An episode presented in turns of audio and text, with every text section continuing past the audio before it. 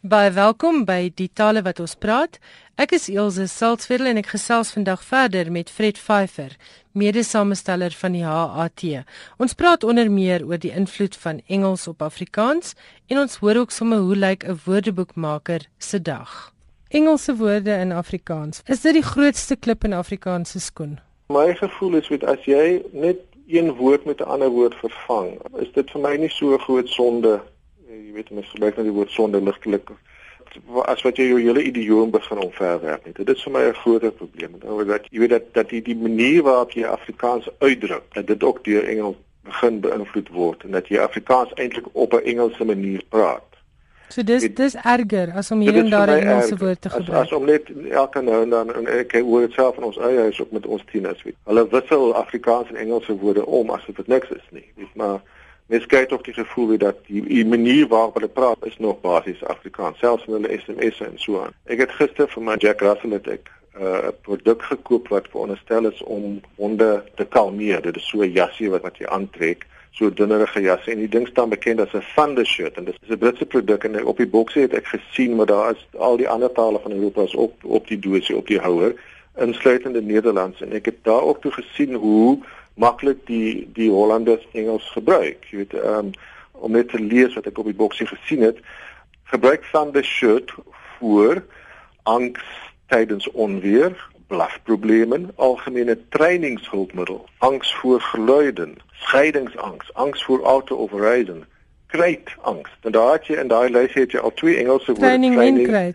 en hulle gebruik dit sonder om te huiwer, maar die idioom bly suiwer. So dit is baie amper veiliger om om te sê goed gebruik nou maar as jy nie die Afrikaanse woord ken nie, gebruik die Engelse woord. Maar pas op as jy die manier waarop jy die taal uitdruk, weet as dit nou ook begin beïnvloed word die Engels en jy ken nie eintlik meer weet 'n suiwere idioom nie. Ek kyk nou na of ek luister nou na Thunder Shirt, nou dink ek net Donder hempie gaan nie werk as 'n vertaling nie. Nou, ons gaan iets anders moet uitdink. Want dit is eintlik die teenoorgestelde. Ja. Onweersemp. Onweersemp. Miskien ja, dit dit, dit klink ja. vir my nou lekker een. Ja, ja, om terug te kom na die idioom. Ek sien ja. deesdae ding veral op sosiale media ja. van ek is ehm um, ek gaan saam my kinders, nie ek gaan saam met my kinders nie. Ja. En ek het dit interessant genoeg, ek sien dit nie net by tieners nie, ek sien dit by groot mense ja. wat wat daarop roem dat hulle baie lees. Nou wonder ek net ja. waar hierdie onding ingesluip. Want saam met se Engels is with. Dink jy dis luigheid? Ons het nou sommer net een woord gevat. Ek weet nie, ek ek vermoed dat dit onder invloed van die die medium self is, maar dat as jy begin SMS taal gebruik, dan gebruik jy afkortings of jy laat woorde weg wat in geval geïmpliseer word, maar daar is geen manier waarop jy dit gaan weet um, misverstaan nie. So dit is nou weer onder invloed van SMS taal waarskynlik. Waarskynlik ja, dat jy dat jy al 'n kort paadjies begin neem. Dit sou interessant wees om te sien of daai soort van invloed, tegnologiese invloed is ook begin oorspoel na jou gewone spreektaal. Dit sou baie interessant wees om dit na te vors, weet wat watter mate die geforseerde soort van Telegram styl van van SMS al invloed begin kry op op gewone spreektaal. Ons hoor dit nog nie soveel in spreektaal nie, nee, nee maar mense nee. sien dit aan die spelling byvoorbeeld op koerante se webwerwe op in kommentare. Jy ja. sien dit op Facebook. Ja. Sê vir my, hoe keer ek dat my Afrikaanse idiome nie in die slag bly nie? Hoe behou ons Afrikaanse mooi idiomatiese uitdrukkings? Ek voel dit as 'n maklike oplossing nie. Al wat ek gewoonlik voorstel is dat mens baie lees, dat jy baie lees in Afrikaans, sodat jy op hoogte bly van wat daar in Afrikaans gepubliseer word. Ek praat nou nie net van mense nuwe skrywers nie, maar dat jy ook gaan kyk na geslagskrywers, sê maar van die vorige geslag, ouer geslag, mense soos Chris Barnard, Elsie Huber, Alvin de Vries, John Miles, Henny Oukamp, wat regtig mooi Afrikaans skryf en wat weet sprankelende Afrikaans skryf en lekker Afrikaans skryf. Dit dat mense uh, daai ou boeke gaan opsoek, jy weet, gaan uitneem, gaan koop, ehm um, jy weet en lees en lees en lees en lees. Dis eintlik al wat ek kan voorstel dat daai uh, ouer segswyse weer soort van in jou brein posvat as dit ware. As jy dan die volgende keer soek vir iets om te sê of 'n manier om dit uit te druk, dan val daai in plek. Dan het jy iets om jouself mee uit te druk. Dit is amper soos 'n taaloefening wat jy moet doen deur te lees en deur weer jouself bloot te stel aan meer gestruktureerde idiomatiese Goeie Afrikaans. Ja. ja, ja. ja. Fred, ek het nou genoem jy is 'n woordeboekman. Jy is besig om saam met Jana Liter te werk aan die 6ste uitgawe van die Handwoordeboek by die Afrikaanse taal. Kan ons 'n bietjie praat oor woordeboek maak? Hoe werk dit in praktyk? Want ek dink die luisteraars sal dit ook baie interessant vind. Nou Fred, vertel vir my 'n bietjie van julle werk. Kom julle af op 'n klomp nuwe goed gaan die hart wat ons nou binnekort dan nou kry heelwat anders daar uitsien as voorheen? Wel, ek hoop so. Ehm um, en dit is my ondervinding eintlik, jy weet met met woordeboeke, dit was my ondervinding by Faros ook waar ons gewerk het aan die groot uh, Bosman en van der Merwe tweetalige woordeboek.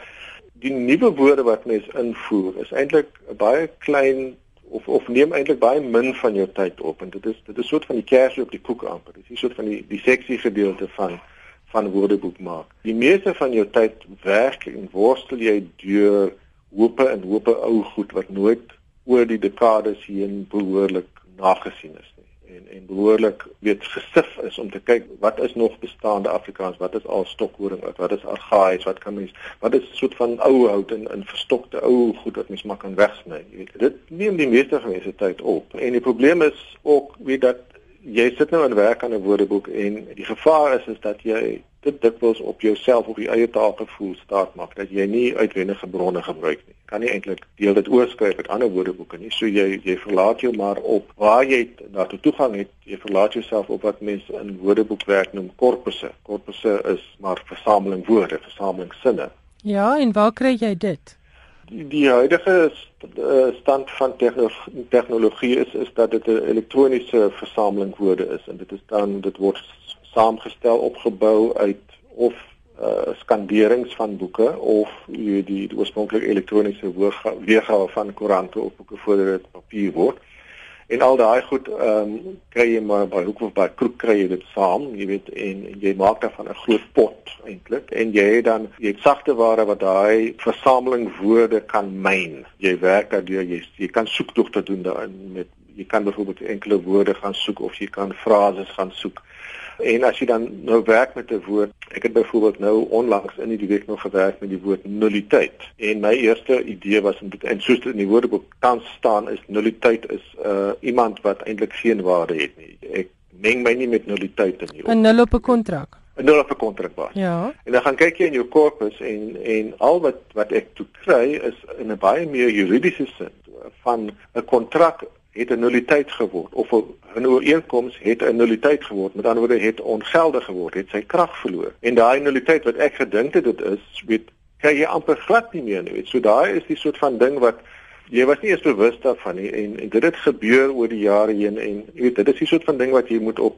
eintlik attent wees as woordeboekmaker. Daai soort van ontwikkeling wat jy nie gaan kry deur maar net op jou eie taalvermoë en jou taalgevoel staat te maak nie. Jy moet gaan kyk na hoe word die taal gebruik, weet. En dit is dus mens eintlik mens se grootste taak as woordeboekmaker is om die taal te probeer weergee en te beskryf soos hy tans daar uitsien. En hoe lyk die taal? Hoe het die taal gevorder? Hoe het Afrikaans gevorder? Hoe lyk Afrikaans aan die begin van die 21ste eeu? Met ander woorde, jy maak die woordeboek meer vaartbelyn en jy dateer op. Ja, dit is ek dink dit is jou jou jou grootste uitdaging is om daai van daai ou goed ons later as so sê sê meer vaartplein te maak en 'n nuwer voorkoms te hê sodat dat die dat die woordeboek dis die taal weer speel soos hy nou is. Weet jy nou kom jy weer by daai wie daai dilemma wat wat ons laas oor gepraat het oor oor taal taalvoorskrifte en taalreëls wat wat doen jy daarmee in 'n woordeboek? As as iemand 'n woordeboek soos die hat koop, dan neem jy aan daai persoon koop die boek as as 'n taalhandleiding, as as iemand wat vir hom gaan 'n boek wat vir hom gaan wys hoe word die taal gespel, hoe word die taal gebruik. Hy soek dus 'n handleiding, 'n leiding oor die taal. Ehm um, en en dan moet jy terselfdertyd in jou woordeboek moet jy dan daai vereiste wat die wat die koper aan die boek stel vereenselwig met hoe lyk die taal nou al reeds, hoe die taal intussen dit ontwikkel. So jy moet albei daai komponente moet jy probeer weergee in jou woordeboek. Nou voorskrif oor hoe die taal tot nou toe daar uitgesien het en hoe dit mooi en korrek is om die woordeboek om die taal te gebruik, maar ook weet uh wag net so 'n bietjie, jy weet dit actually al in die in die afgelope dekade wat het dit gebeur. So ja.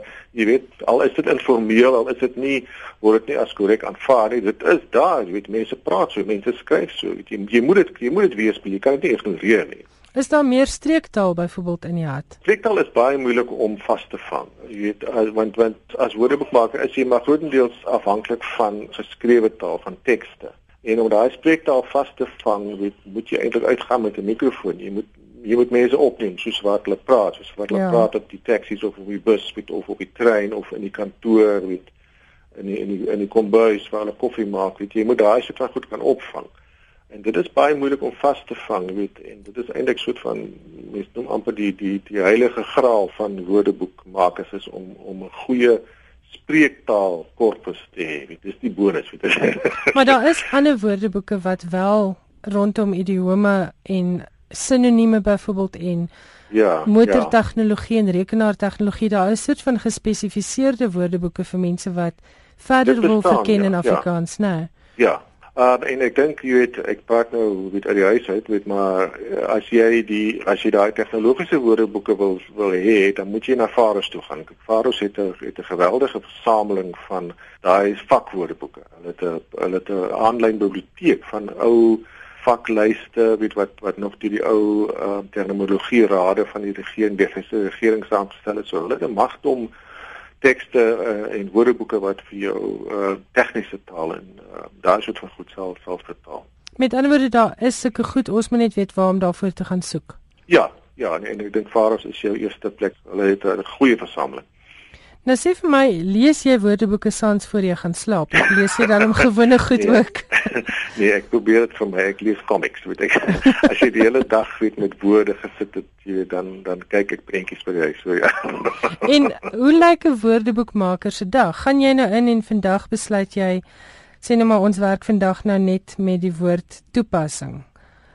Of of hoe werk dit? Hoe uh, ek probeer nou 'n prentjie van jou werkswyse kry. Dit is 'n meganiese proses. Ehm um, jy weet woordeboeke is lank goedes.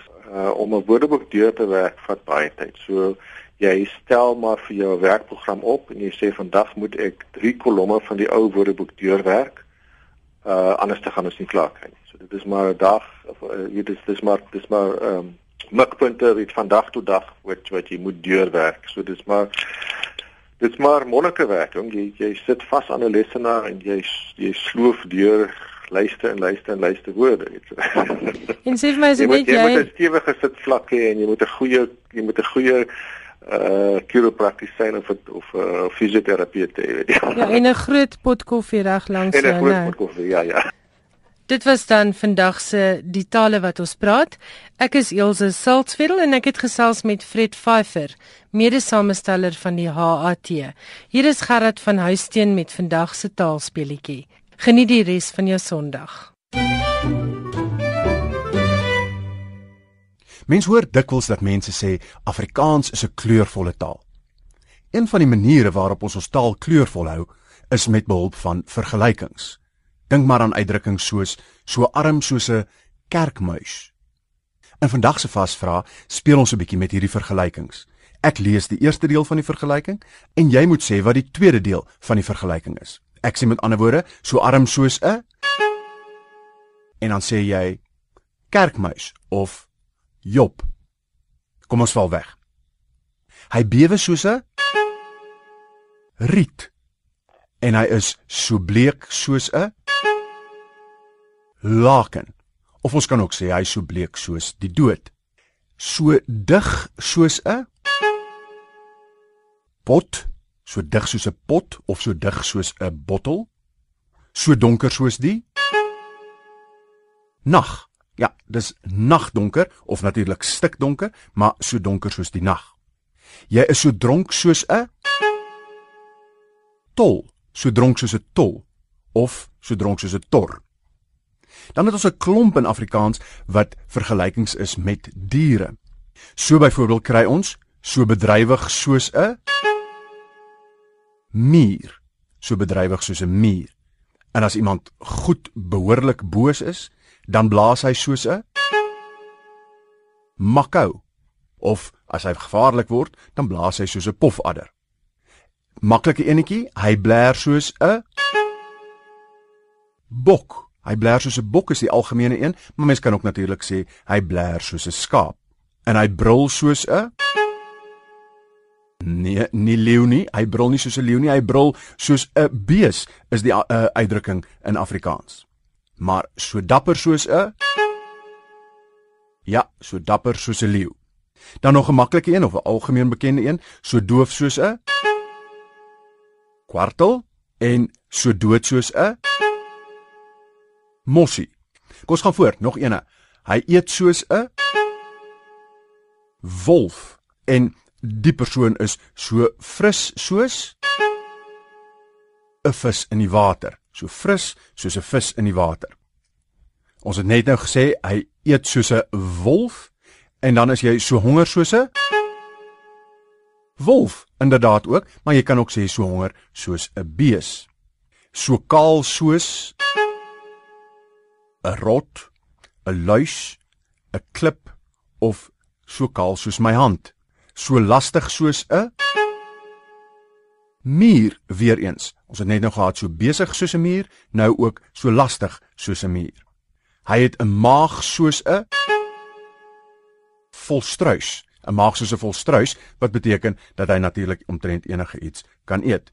En dan is jy so maar soos 'n kraai of ons kan ook sê so maar soos 'n sprinkaan of so maar soos 'n graat. En daai graat is natuurlik G R A A T.